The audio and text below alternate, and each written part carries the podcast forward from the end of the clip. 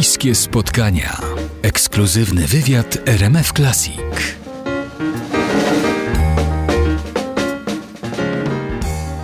Wojciech Waglewski, gitarzysta, wokalista i kompozytor, lider zespołu WW, a prywatnie wielki miłośnik filmu. W bliskich spotkaniach ciąg dalszy opowieści o muzyce filmowej. Czyli mimo ogromu pracy związanej z koncertowaniem, nie zaprzestał pan, nie zawiesił pan jednak działalności filmowej? Miałem takich parę epizodów fajnych, bardzo, bardzo dobrze mi się pracowało z Leszkiem Wasiewiczem.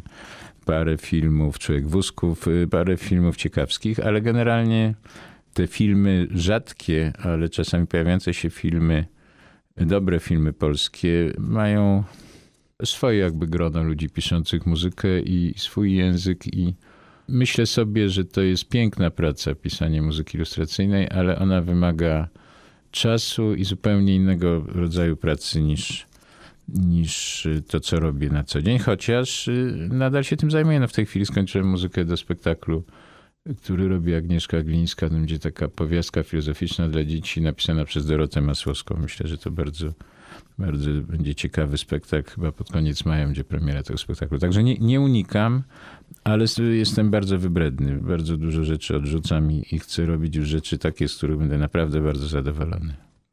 To już kończąc y, wątek y, filmowy w muzyce, co musiałoby się wydarzyć, żeby napisał pan właśnie muzykę filmową? Może jakiś reżyser, mm, jakieś nazwisko, które by pan chętnie usłyszał w dzwoniącym telefonie? Panie Wojtku, to jestem ja, proszę o napisanie muzyki. No pewnie, no Jarmusz gdyby zadzwonił na przykład, albo Lynch, to chętnie.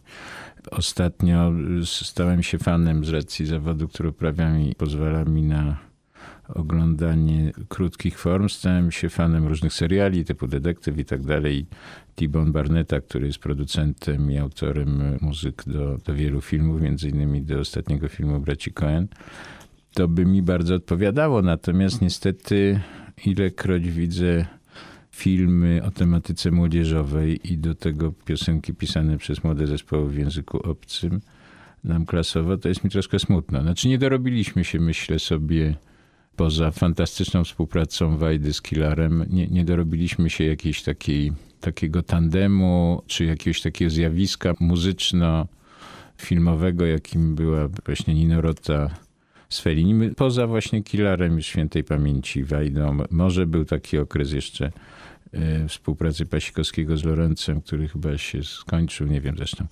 Ale nie, nie, nie mam jakichś e, specjalnych marzeń związanych z telefonem od jakiegoś polskiego reżysera, bo no nie wiem, ostatnio widziałem film poświęcony Wałęsie, który mnie poruszył bardzo głęboko i pewnie nigdy w życiu mi się nie podjął napisania muzyki tego filmu. Zresztą tam została wykorzystana muzyka w dużej mierze gotowa.